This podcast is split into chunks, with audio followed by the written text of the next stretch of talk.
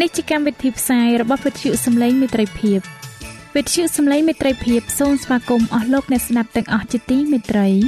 នាងខ្ញុំសេកសុចិន្តាវតីហើយខ្ញុំបាទអង្ចាន់វិជ្ជៈក៏សូមស្វាគមន៍លោកអ្នកស្ដាប់ទាំងអស់ផងដែរនៅពេលនេះយើងខ្ញុំមានសេចក្តីសុំមនស្សរីករាយដោយបានវិលមកជួបអស់លោកអ្នកនាងកញ្ញាអ្នកស្ដាប់សាជាថ្មីម្ដងទៀត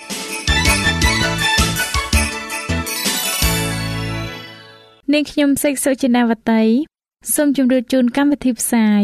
ដែលមានជាបន្តបន្ទាប់ដូចតទៅនេតិបទទំនាយនិងប្រវត្តិសាស្ត្រនេតិស្ពានជីវិត ចា៎លោកអ្នកស្ដាប់ជាទីមេត្រី នាងខ្ញុំសូមគោរពអញ្ជើញអស់លោកលោកស្រី អ្នកនាងកញ្ញាតាមដានស្ដាប់កម្មវិធីផ្សាយរបស់វិទ្យុយើងខ្ញុំដូចតទៅ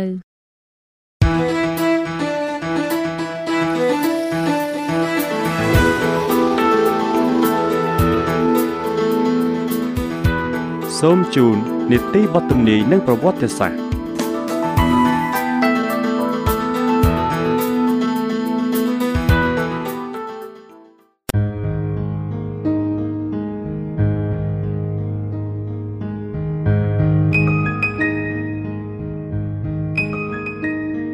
ខ្ញុំបាទសូមជម្រាបសួរដល់អស់លោកលោកស្រីនិងប្រិយមិត្តអ្នកស្ដាប់វិទ្យុសំឡេងមិត្តភាពជាទីមេត្រី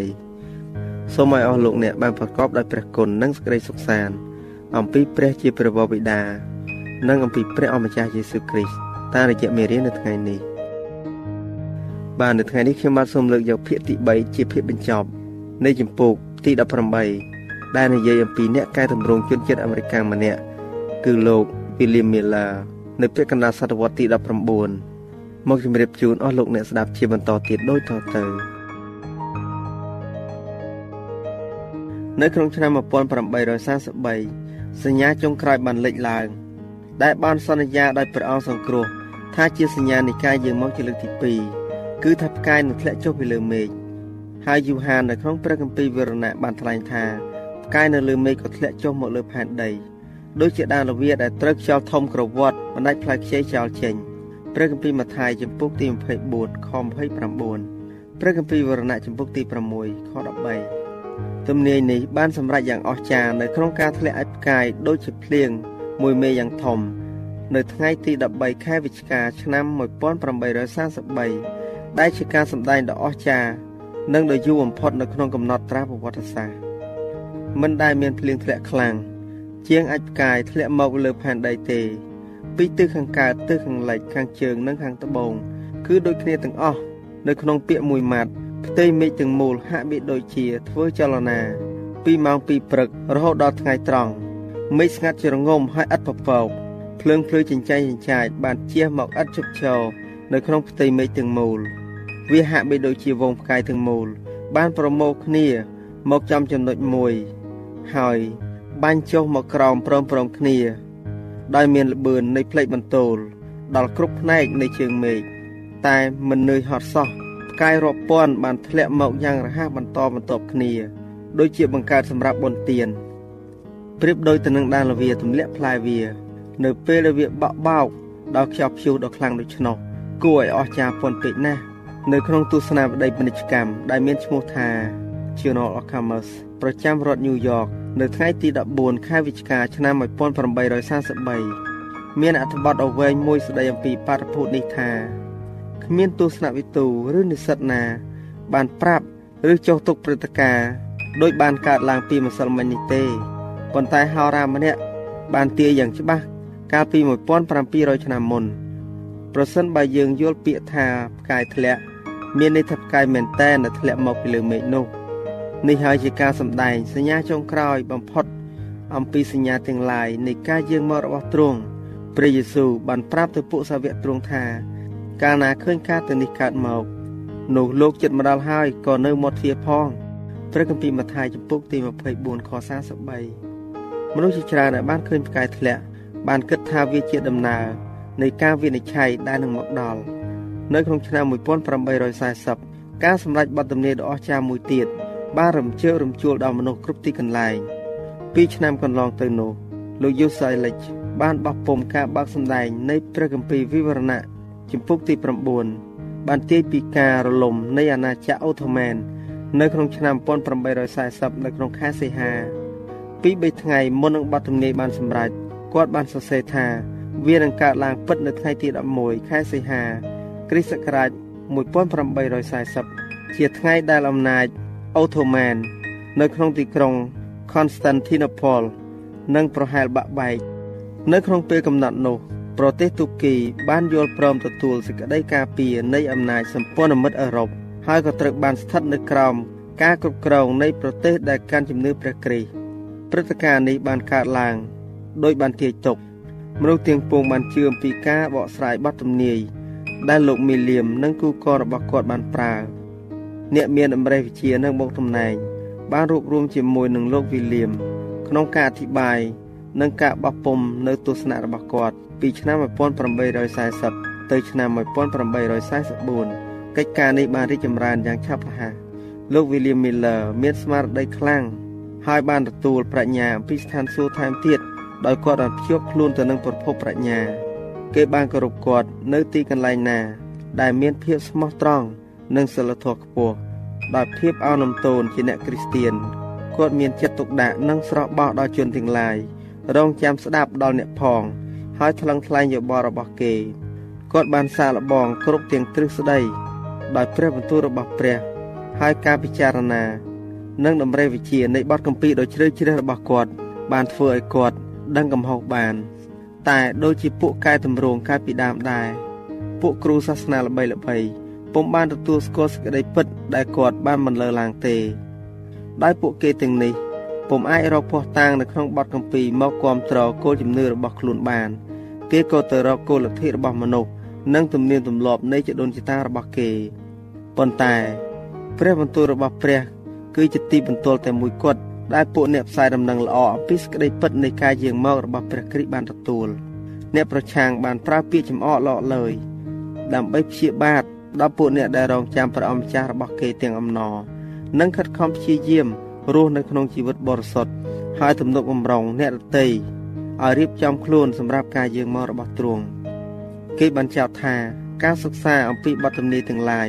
នៃការយាងមករបស់ព្រះគ្រីស្ទនិងអំពីទីបំផុតនៃពិភពលោក គឺជាអំពើបាបមួយ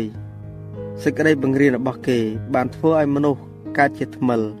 ហើយមនុស្សជាច្រើន បានដើរតាមតណ្ហារបស់ខ្លួន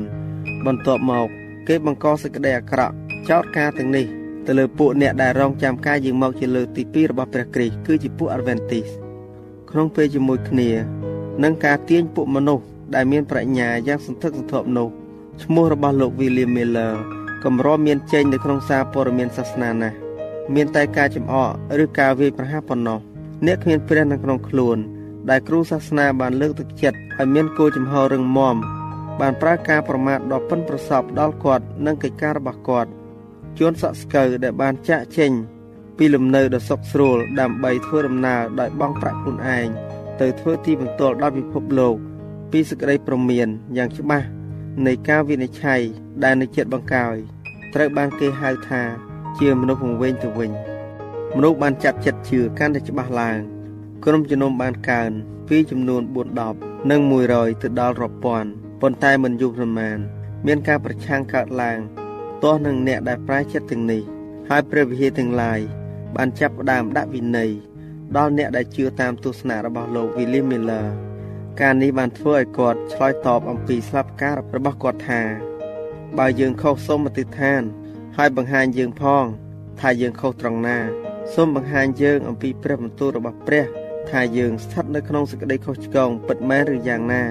ព្រោះយើងបានទទួលពាក្យចំអកលក់លើយគ្រប់គ្រាន់ហើយ មានតែព្រះបន្ទូលរបស់ព្រះតែប៉ុណ្ណោះដែលអាចនឹងផ្លាស់ប្ដូរទស្សនៈរបស់យើងបានការអធិដ្ឋានទាំងឡាយត្រូវបានគ្រោងឡើងដោយចេតនានិងដោយការអធិដ្ឋានយ៉ាងអស់ពីចិត្តដោយព្រោះយើងឃើញផុសតាងនៅក្នុងបទគម្ពីរនៅពេលដែលភាពទុច្ចរិតនៃមនុស្សមុនទឹកចំនួនបានធ្វើឲ្យព្រះនាំមកនៅទឹកចំនួនដល់ផែនដីទ្រង់បានប្រាប់ពីគោលបំណងរបស់ទ្រង់ជាមុនរួចហើយការផ្សាយដំណឹងឲ្យមនុស្សកែប្រែចិត្តនោះបានដល់120ឆ្នាំ ប៉ុន្តែគេមិនបានជឿទេ គេបានចំអកឲ្យអ្នកនាំសាររបស់ព្រះបើដំណឹងរបស់លោកនៅអេនោះពិតហេតុអ្វីបានជាអស់ទាំងពិភពលោកឃើញហើយមិនជឿ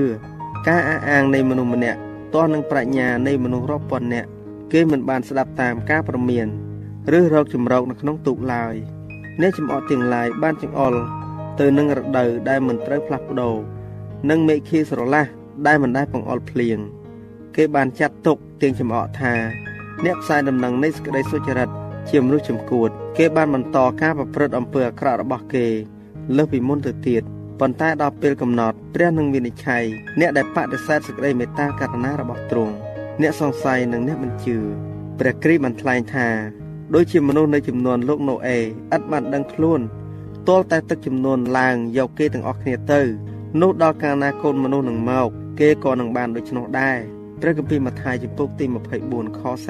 39នៅពេលដែលអ្នកអះអាងខ្លួនថាជារាជរបស់ព្រះ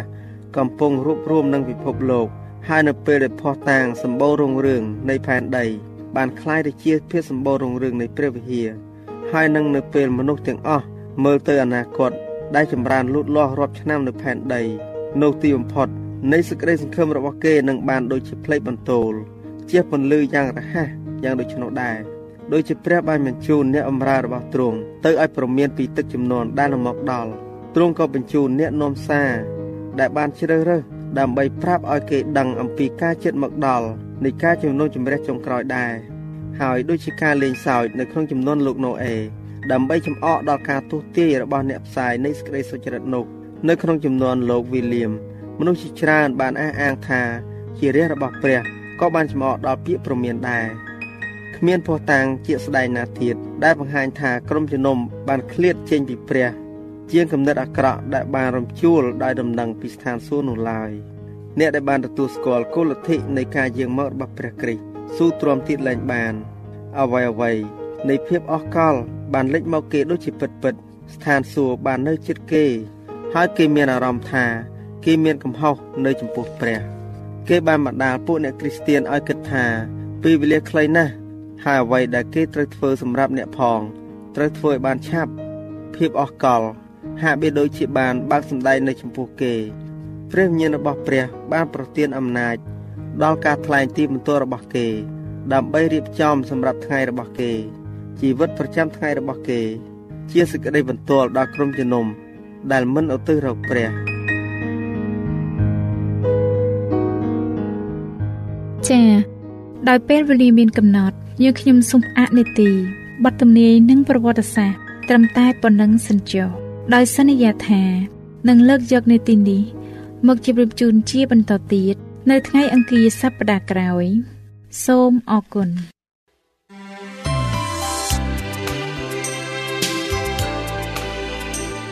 វិទ្យុសំឡេងមេត្រីភាព AWR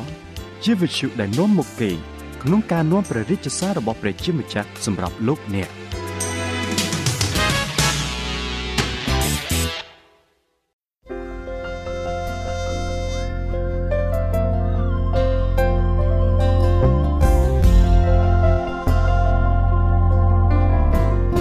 ខ្ញុំបាទសូមជម្រាបសួរអស់លោកអ្នកស្ដាប់ជាទីមេត្រី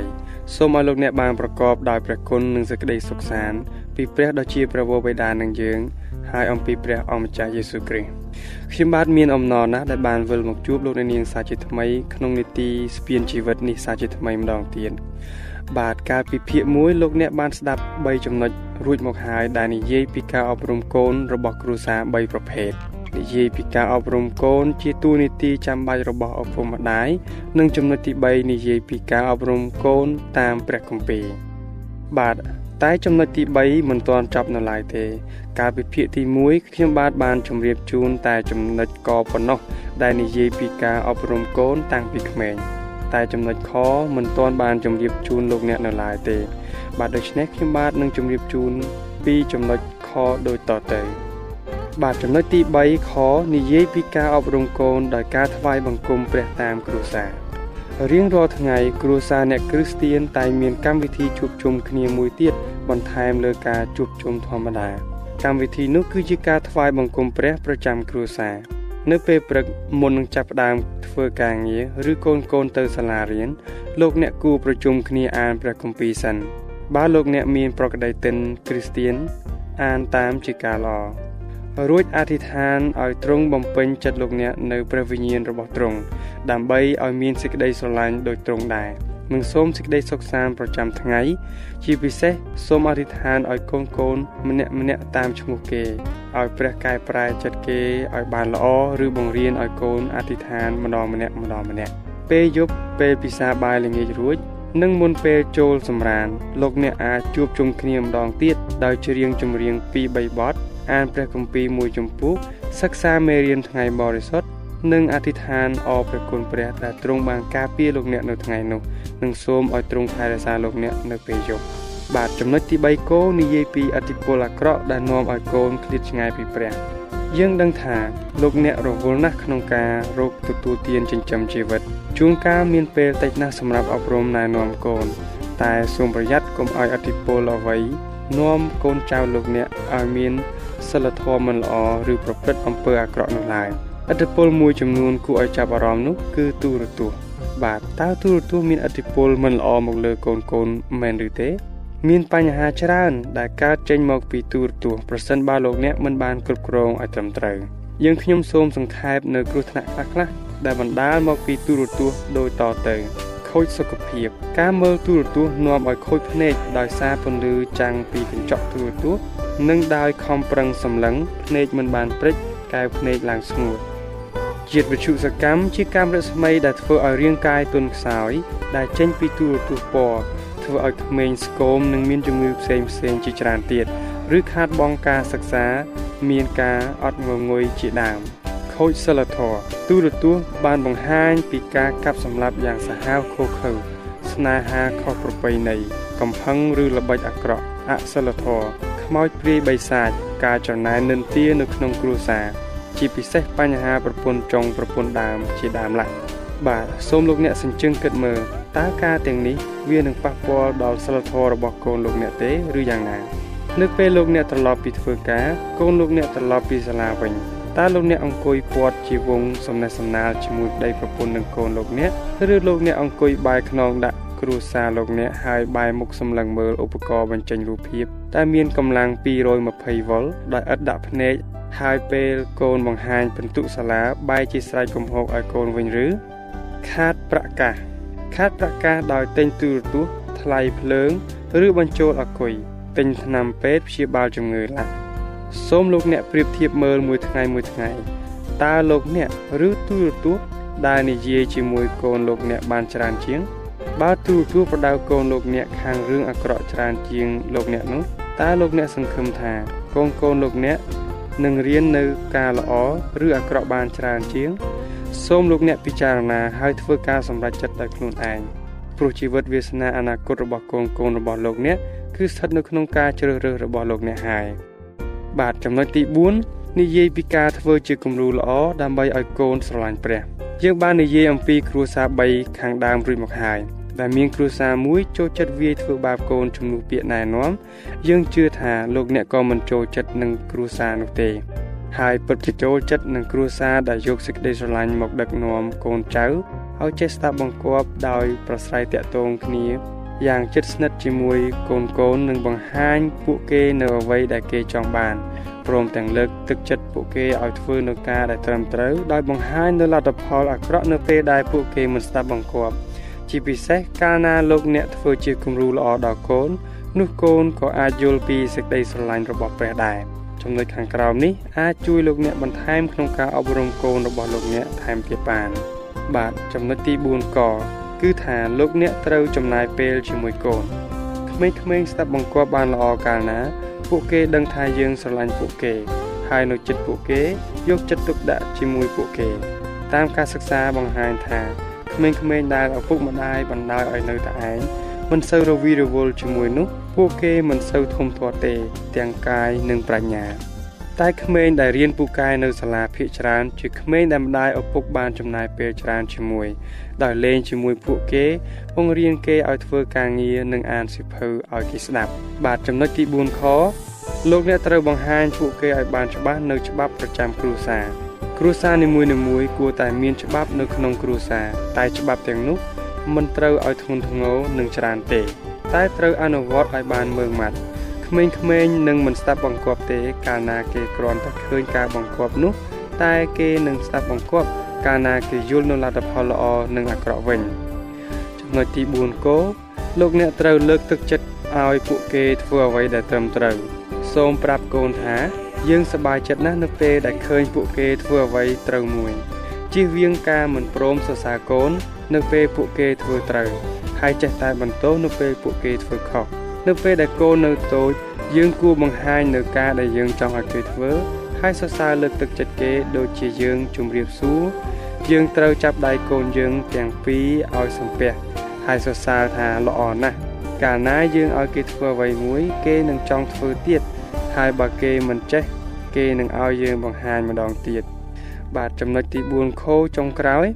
លោកអ្នកបង្ហាញពីលទ្ធផលនឹងការប្រព្រឹត្តរបស់គេ ចំពោះការមិនសាបង្គាប់នៅក្នុងរឿងគ្រួសារទី3ម្ដាយបានប្រាប់កូនស្រីថា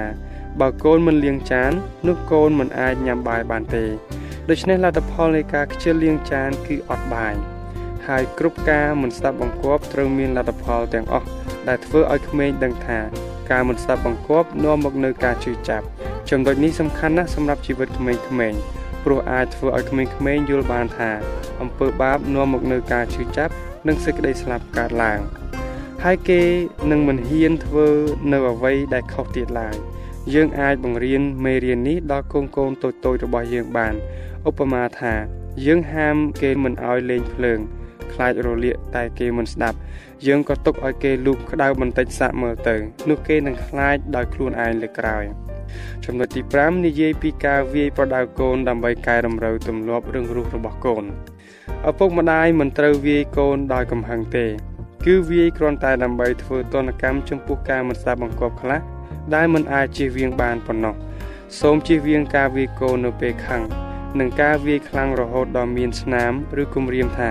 អញនឹងសម្លាប់ឯងចោលនោះឡើយ ព្រះគម្ពីរសុភាសិតជំពូកទី23ខ13និងខ14បានសម្ដែងថា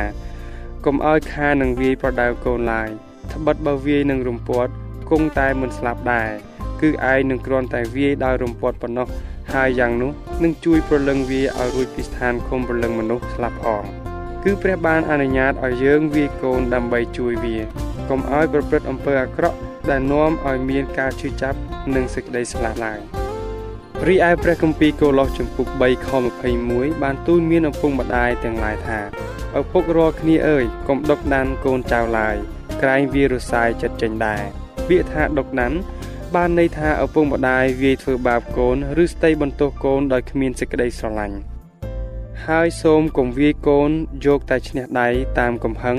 ដូចវាយគោក្របីនោះឡើយជាពិសេសពេលវាយសូមប្រើរំពាត់តូចឆ្មា ហើយសូមកុំវាយក្បាលកូនឲ្យសោះ ព្រោះអាចនាំឲ្យប៉ះពាល់ដល់សរសៃប្រសាទខួរក្បាល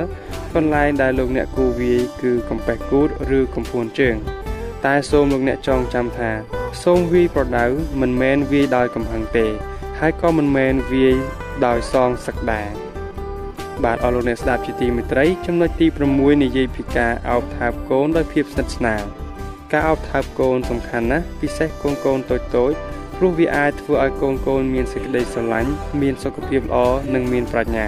ការសិក្សាច្បាស់លាស់បានបង្ហាញថា មនុស្សគ្រប់វ័យត្រូវការការអោបថើបយ៉ាងតិច14ដងក្នុងមួយថ្ងៃមួយវិញទៀតលោកអ្នកអាចគ្រាន់តែយកដៃទៅអង្អែលក្បាល ឬខ្នងកូនលោកអ្នក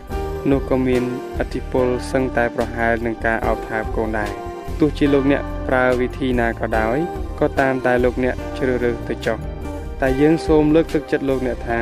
លោកអ្នកត្រូវតែអប់រំនិងទូលមានកូនជានិច្ចដើម្បីកុំឲ្យសមាជិកគ្រួសារលោកអ្នកណាម្នាក់ឬគ្រួសារលោកអ្នកទាំងមូលបាត់បង់ពីនគរស្ថានសួគ៌ឡើយដូច្នេះទោះបីលោកអ្នកកាចពេកធ្វើឲ្យកូនភ័យខ្លាចនិងបាត់បង់សេចក្តីស្រឡាញ់ឬលោកអ្នកស្លូតពេកធ្វើឲ្យកូនដើរផ្លូវខុសក្តីសូមលោកអ្នកអធិដ្ឋានសូមប្រាជ្ញាពីព្រះដើម្បីដឹកនាំកូនចៅរបស់លោកអ្នកថ្វាយព្រះចុះ ហើយសូមគុំបណ្ដោយឲ្យកូនរបស់លោកអ្នកនាំគ្រួសារលោកអ្នកឲ្យឃ្លាតពីព្រះハតីព្រះឡាយ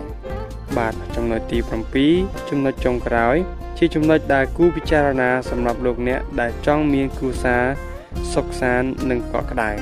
លោកអ្នកអាចរៀបចំចិត្តកូនលោកអ្នកឲ្យទទួលការសង្គ្រោះរបស់ព្រះ ដោយជួយឲ្យគេស្រឡាញ់ព្រះ និងស្គាល់បាបរបស់គេ ហើយឲ្យគេចេះលន់តួបាបពីព្រះ ដោយការអធិដ្ឋាននិងកែប្រែពីការអាក្រក់ទៅល្អវិញគេអាចរៀនអំពីកិច្ចការនេះតាំងពីក្មេងទើបនឹងចេះនិយាយមកបាន បាទលោកអ្នកពិសេសអ្នកម្ដាយមិនគួររំលូតទារកដែលនៅក្នុងផ្ទៃឡើយព្រោះវាក៏ជាជីវិតមួយដែរយើងសូមសរសើរដល់ស្វាមីទាំងឡាយដែលបានហាមឃាត់ប្រពន្ធមិនឲ្យរំលូតកូននេះហើយយើងសូមលើកទឹកចិត្តដល់យុវជនទាំងឡាយកុំឲ្យជ្រុះជ្រួសជាមួយនារីភេទមុនពេលរៀបការហើយបង្ខំឲ្យនាង រំលូតកូនចោលនោះឡើយនោះអ្នកនឹងមានបាបដោយកំផិតផង និងដោយសម្លាប់មនុស្សផងព្រះគម្ពីរសុភាសិតចំពុកទី17ខ6បានសម្ដែងថា កូនចៅជាមកុដរបស់មនុស្សចាស់ចាស់ហើយឪពុកជាទីអំនួតរបស់ពួកកូនឪពុកម្ដាយនិងកូនត្រូវតែសប្បាយនឹងគ្នាទៅវិញទៅមកបើលោកអ្នកមានកូនកូននៅជាមួយបងប្អូន